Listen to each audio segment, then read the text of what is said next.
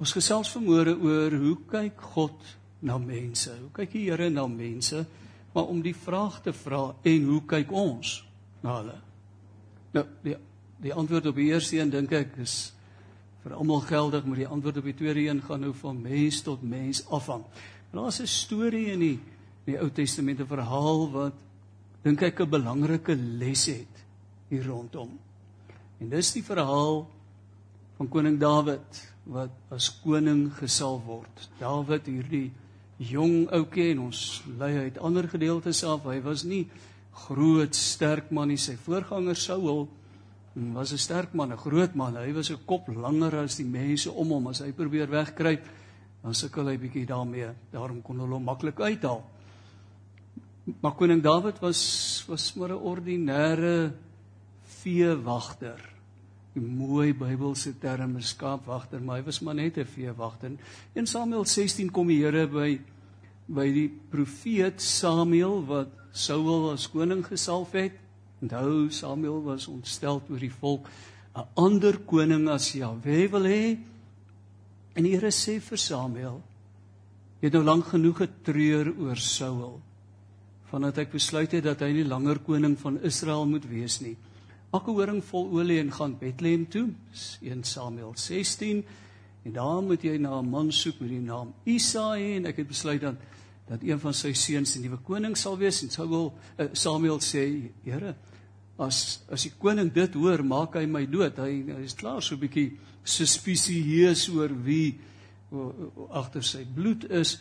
En sê die Here vat 'n jong vers gaan bring 'n offer, nooi Isaai en sy seuns en Ek sal vir jou wys wie om aan te wys.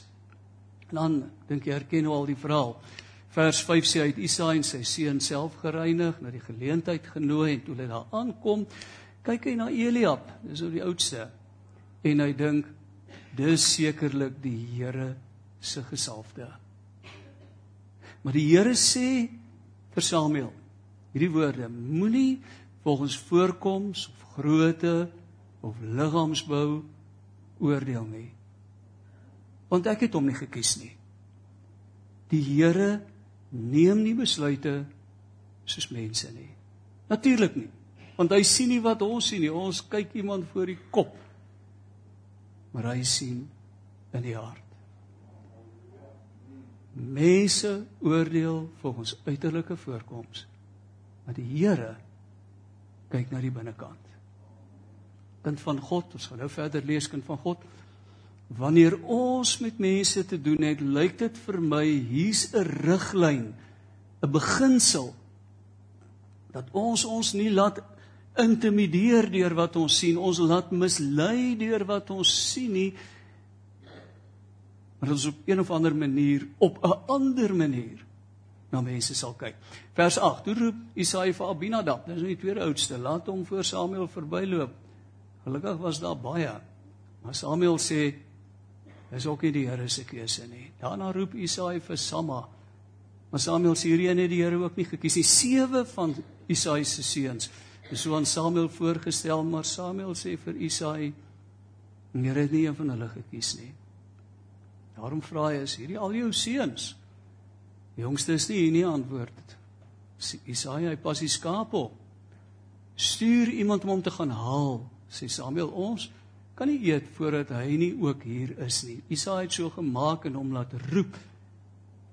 Nou Dawid was rooierig van voorkoms. Hy het 'n ligte vel gehad. Onthou nou hoe blas is die Jode en die Arabiere, die mense van die Midde-Ooste waar die son redelik warm is, het 'n blas vel. Hy het uitgestaan met sy baie ligte vel, rooierig van voorkoms aantreklik met mooi oë. Het dan vir 'n paar punte op die ouend getel so onder die meisies. Uiteindelik sê die Here is die regte een. Salf hom. Terwyl Dawid daar tussen sy broers staan, neem Samuel die olie wat hy saamgebring het, gooi dit uit op Dawid se kop. En toe die gees van die Here van toe af het die gees van die Here kragtig in hom gewerk. Want die koning het die gawe van die Heilige Gees nodig gehad. Hy het wysheid nodig gehad vir die werk wat hy moes doen. En as ons dan bid vir die nuwe leier van die ANC, kom ons bid die gees van die Here hom sal toerus met wysheid. Nou as jy nou al die storie van die Pinksterbeweging ken, skuis, dan gaan ek jou nou verveel.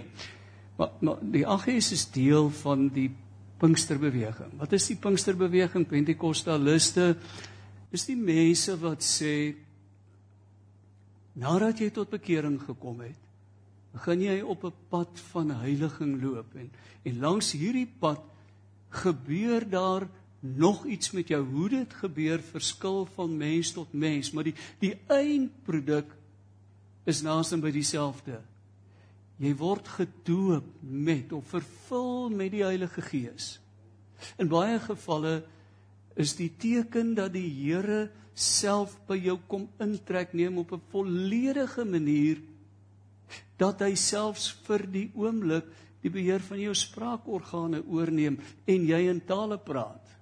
Ons gaan nou nie vermoere stry oor tale die teken die enigste of die initiële teken van die doop met die dooping met die Heilige Gees is nie. Ek dink nie dis presies belangrik nie want ek dink nie die Here steur hom juis aan ons teologiese argumente en hy doen wat hy wil. En met elke mens soos hy wil. Maar maar hier en en dan as geesvervulde mens begin jy anders na jou wêreld en na die mense om jou kyk. En jy word bewus ek leef oomblik vir oomblik in u teenwoordigheid. Hier by u, dis waar hierdie liedjie vandaan kom. Hier by u is waar ek wil bly. Hier by u is ek veilig. Want u is hier in my, ek leef vir u. Nou goed, waar kom dit vandaan? Vir die volgende. In die laat 1890s is deel van die heiligheidsbeweging in die FSA, mense wat baie klem op heiligheid gelê het, het daar al meer die gebed ontstaan, Here, wil U nie vir die kerk van die laaste dae doen wat die kerk van die eerste eeu beleef het nie en wat die kerk hier teen die middel van die derde eeu verloor het. Ongelukkig En dis dat dat u kinders weer geesvervuld sal word. En daar was so ek wil amper sê obskure predikant. Charles Parham.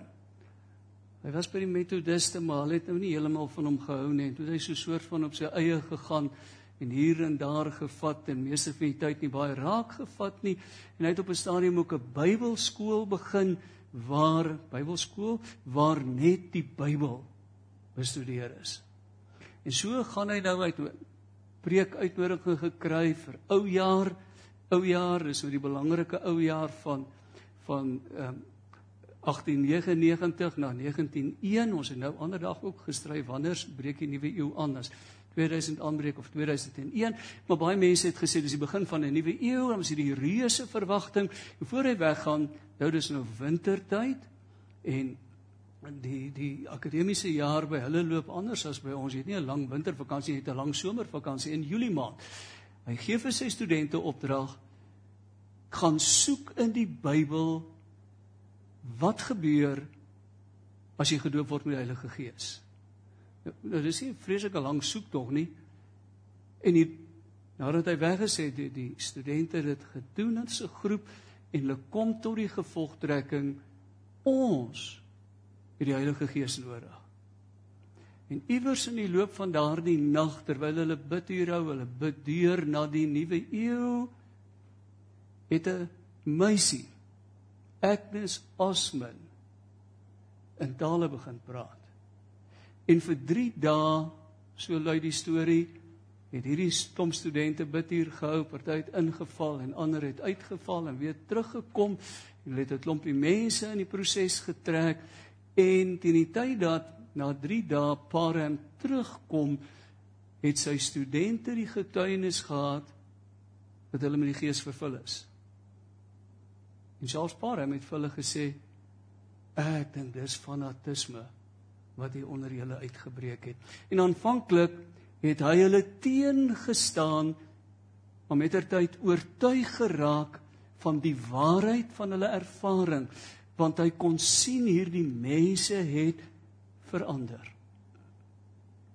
En toe hy nou begin preek hierdie boodskap begin preek, maar ag baie baie min mense het hulle aan hom gestuur, hy het baie min sukses gehad sodat hy hier teen 1905 maar weer met 'n Bybelskool begin het. Eintlik was die Bybelskool die manier hoe hy vir homself 'n lewensonderhoud geskep het.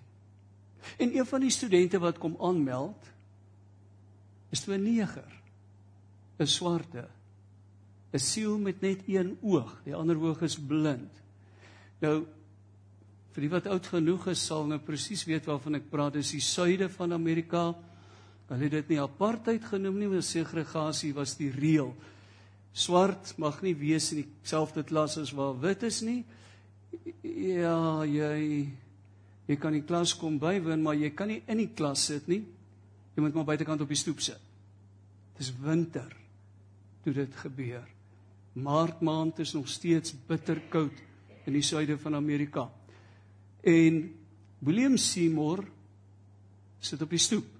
Hy luister, hy vertel wanneer hy kan hoor want die wind waai met tye so dat hy niks kan hoor nie, maar hy's daar. Hy's daar. En dan kom daar 'n uitkoms vir Charles Parham. Dis nou die hoof van die Bybelskool. 'n Neger gemeente in Los Angeles laat weet vir hom, stuur bietjie vir ons iemand wat kan kom dienste hou vir 'n week. En hy het hy mos nou die neger en dis 'n gawe manier om van hom ontslae te raak en hy stuur hom ook net met genoeg geld om tot in Los Angeles te kom. Hy hou die eerste diens. William Seymour. Hy preek by daardie diens wat hy gehoor het wat by die Bybelskool gepraat word. Doping met die Heilige Gees. God neem beheer van jou lewe oor. Hy het dit self nie ervaar nie, maar hy preek dit. En as hy aan die Sondag aand, dit sou nou deurloop die dienste na die volgende Sondag, die Sondag aand by die kerk kom, en sê hom nee, ons is nie vanaand diens nie. Jy moet nie weer kom. Ons soek jou nie hier nie en hy het die geld om terug te gaan nie. En hy bly by van die lidmate en hulle is nie baie lus vir hom nie. En hulle wil ook nie vir hom die geld gee om sy ry te kry nie. En en die, die baas van die huis, die eienaar sê jy, jy kan maar met 'n bidhuurtjie begin as jy wil. Hou net jouself besig, hou net bly net in ons hare uit. Hy begin met 'n klein bidhuurtjie en, en iemand wat wel die ervaring deelagtig word. Maar William Seymour nog nie. Doop word met die Heilige Gees. Nooi hom en sê kom hou by my huis bid uur. En daar's 'n toeloop van mense, soveel so, houthuise dat die stoep wat ook van hout is meegee onder die baie mense wat nie in die huis kan kom nie en op die stoep staan en luister. En dan besef hulle hier's 'n bietjie te veel mense vir een huis en hulle gaan soek en hulle kry 'n ou kerk wat jare terug laas in gebruik was vir 'n kerk en intussen vir 'n stoor gebruik is en in onbruik verval het en vervalle was. Hulle huur die vir 'n nominale bedragie. Maak die plek dan nou net leefbaar en begin met bidure. 'n Biduur wat in April 1906 begin van die uur in die oggend, meeste van die tyd tot middernag en na dit. Niemand lei hierdie dienste nie. Maar mense stroom van reg oor die wêreld om hier te wees. William Seymour wat intussen ook die ervaring van die doping met die Heilige Gees deelagtig geword het, se grootste enkele bydrae tot hierdie dienste was uit sy kop in 'n skoendoos gehou wanneer hy gebid het want hy het gebid hy het werklik by die Here uitgekom min gepreek min getuig maar mense het daar ingekom en van die krag van die Here bewus geraak hulle harte hulle lewe voor hom reggemaak en as hulle huis toe gaan as hulle ander mense en hierdie bidure hou vir 4 jaar aan. Twee Amerikaners wat ook daarby uitkom. G. Lake en Thomas Hesmlaag, miskien lui dit 'n klokkie. En terwyl hulle daar is, roep die Here hulle soos wat met talle ander gebeur het wat reg oor die wêreld gegaan het met hierdie boodskap van die vervulling met die Heilige Gees. Die Here roep hulle gaan na Suid-Afrika. En hulle kom hiernatoe met die bedoeling om om sendingwerk om om swart mense vir die Here te wen en uit hulle werk ontstaan die AGS. Nou, die hele storie net om dit te sê, die Here kies 'n obskure prediker wat wat by die metodiste weggejaag is en wat min invloed het en min impak het sodat een van sy studente vir die eerste keer weer hierdie ervaring deelagtig word. En uiteindelik, daar gebeur ook nie eintlik iets nie, maar uiteindelik steek dit 'n vuur aan die brand en die Here gebruik 'n een oog half ongeletterde neger wat nie eers behoorlik kan preek nie om die Pinksterbeweging tot stand te bring. Dawid is die man na God se hart. Want God sien nie mense soos ons na hulle kyk nie. As God anders dink oor mense as wat ons dink, wat sê dit vir ons? Dat ons versigtig moet wees hoe ons mense opsom, want dit bepaal hoe ons hulle behandel as my hart God se hart wil reflekteer, as ek as 'n geesvervulde mens wil leef, dan vra dit van my dat ek na mense begin kyk soos hy na hulle kyk. Wanneer sal dit gebeur? Ek wil vanmôre voorstel maak en ek wil wil die uitdag, miskien het jy dit lankal al ontdek. Wanneer jy 'n oomblikie tyd los het in die gange van Pick n Pay of Checkers loop spandeer tyd met die Here. Lankpad ry spandeer tyd met die Here. Stilhou by by die vulstasie en bene rek. Wag laat die petroljoggie motor vol maak die bande pomp. Spandeer tyd met die Here en kyk wat gebeur daar by binnelandse sake staan as jy die wonderlike voorreg het om van Suid-Afrika se gawe staatsdiens gebruik te maak en dit 'n rukkie vat voor jy voorkom in Potchefstroom vat dit jou 'n paar dae om voor te kom val as jy lisensiekantoor toe gaan. Ehm um, spandeer die tyd met die Here. Raak bewus van hom. Praat met hom. En kyk hoe lyk die mense, hoe verander die mense wat rondom u staan? My ervaring is ek sien hulle raak. As mense in hierdie wêreld wat as hulle mekaar groet sê, is hulle manier van groet. Ek sien jou. Ek sien jou. Sê vir my meer as hallo want ek weet nie wat beteken hallo nie. Maar ek begin mense sien dan kom 'n stuk sagtheid vir hulle. Ek wil hulle vriendelik groet en met hulle gesels. Want die Here kry die geleentheid om my gees te verander. Die die groot krisis is dat dat ons ons ek praat nou van ons as as ek en ek dink daar's ander mense wat dalk dieselfde doen dat party van ons mense stereotipeer. Want as ek is skuis vir die woord, want dit gaan dalk iets sleg in die wakker maak. 'n Swart taxi bestuurder sien aankom. Dan dan sal nou klaar al 'n stuk negativiteit in my hart. Ons verwys na party mense as en ek is jammer om die woorde hier te gebruik as 'n moffie en 'n en 'n butch.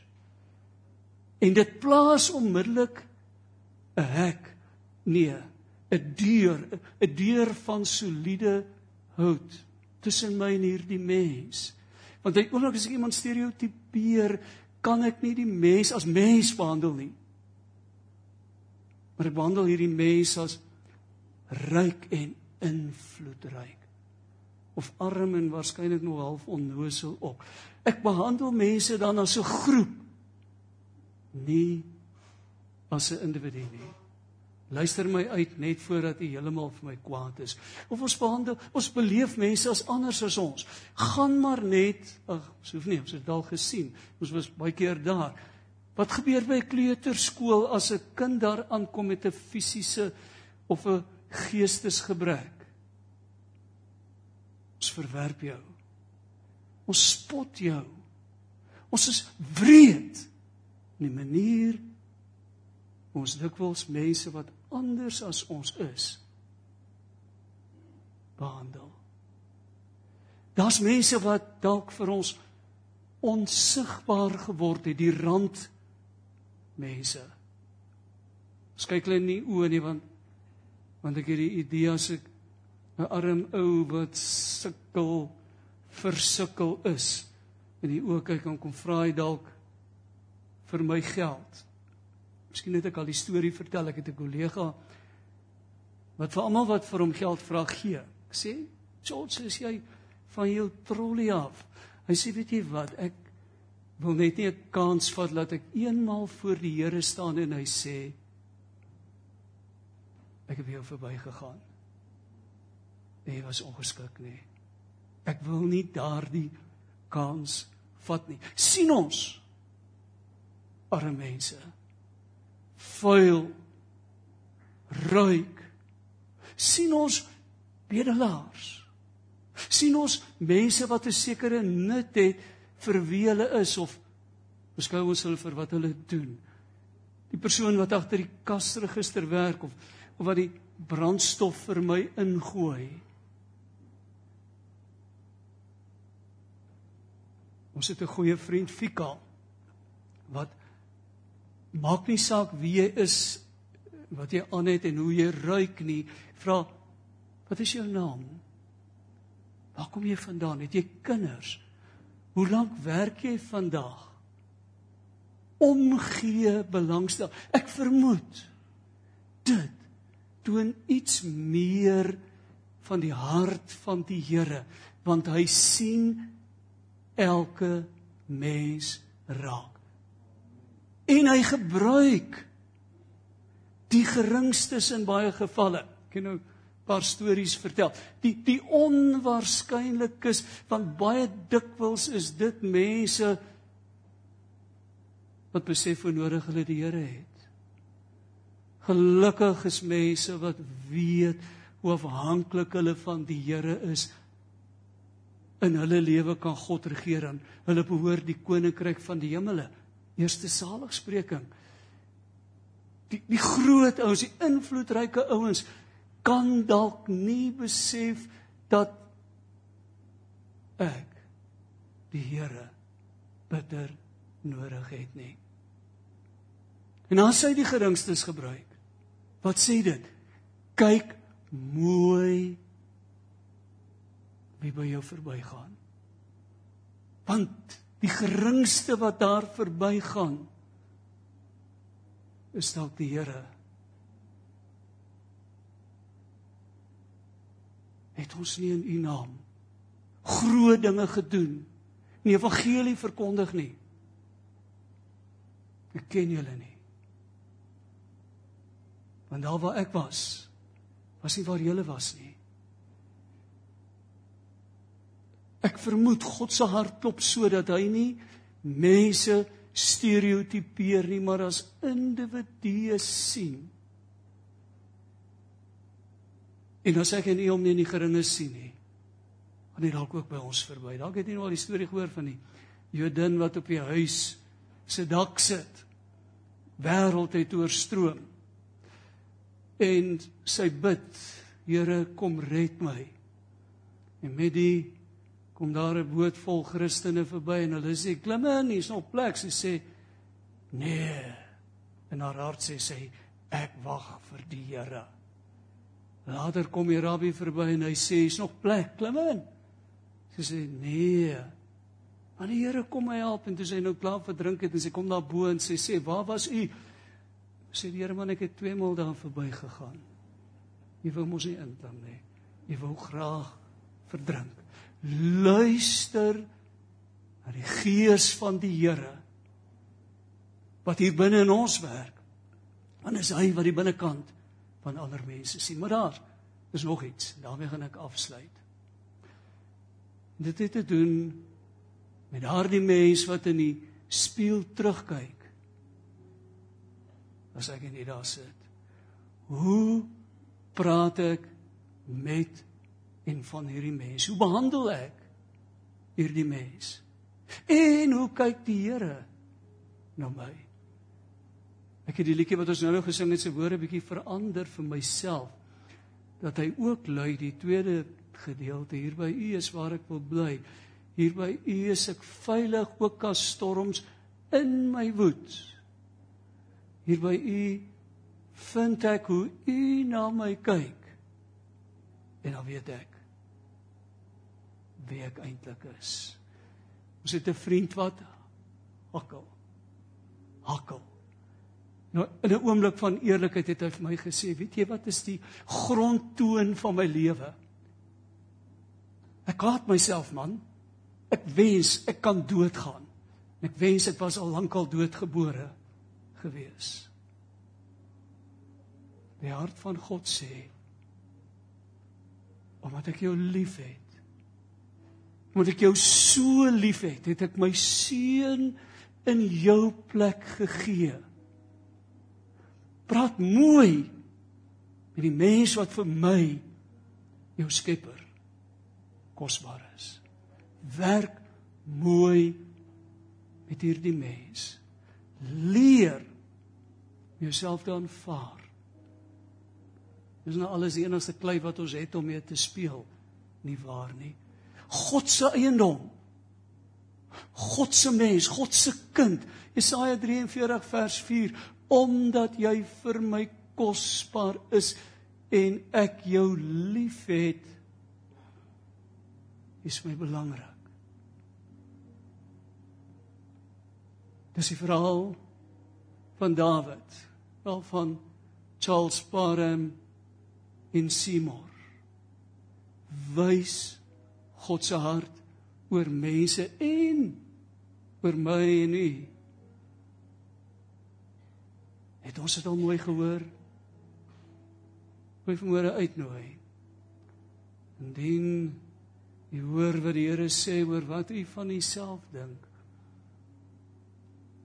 En hoe u oor ander mense dink.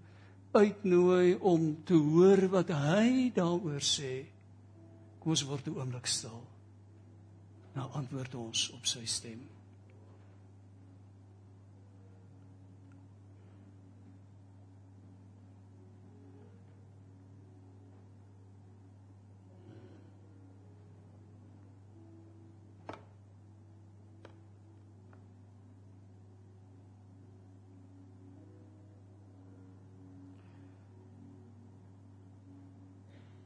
Van die grootste wonderwerke, Here, vir my is dat U dit waag om my in U teenwoordigheid toe te laat.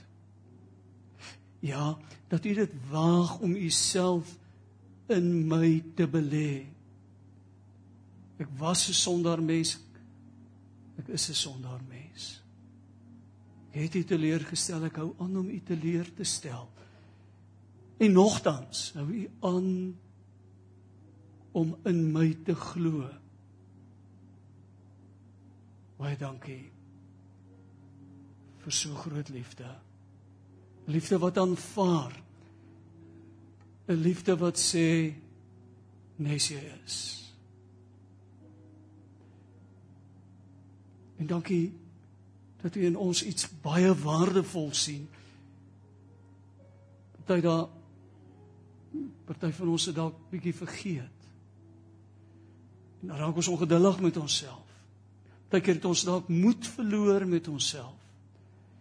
Ons het baie daar moed met ander mense verloor. Maar Here, dalk is daar ook mense wat ons nie kan sien nie. Mense wat net gesigloos by ons verbygaan. Hulle is ook vir baie kosbaar. So kosbaar dat U U seun ook vir hulle gegee het. Kom open ons oë. Kom open ons harte. Vul ons met U gees van wysheid. Die gees wat in ons binneste is. Wat ook die binnekant van ander mense ken. Open ons oë sodat ons hulle met U wysheid en met U liefde en met U aanvaarding met U ingesteldheid om te vergewe weer en weer sal sien. Amen.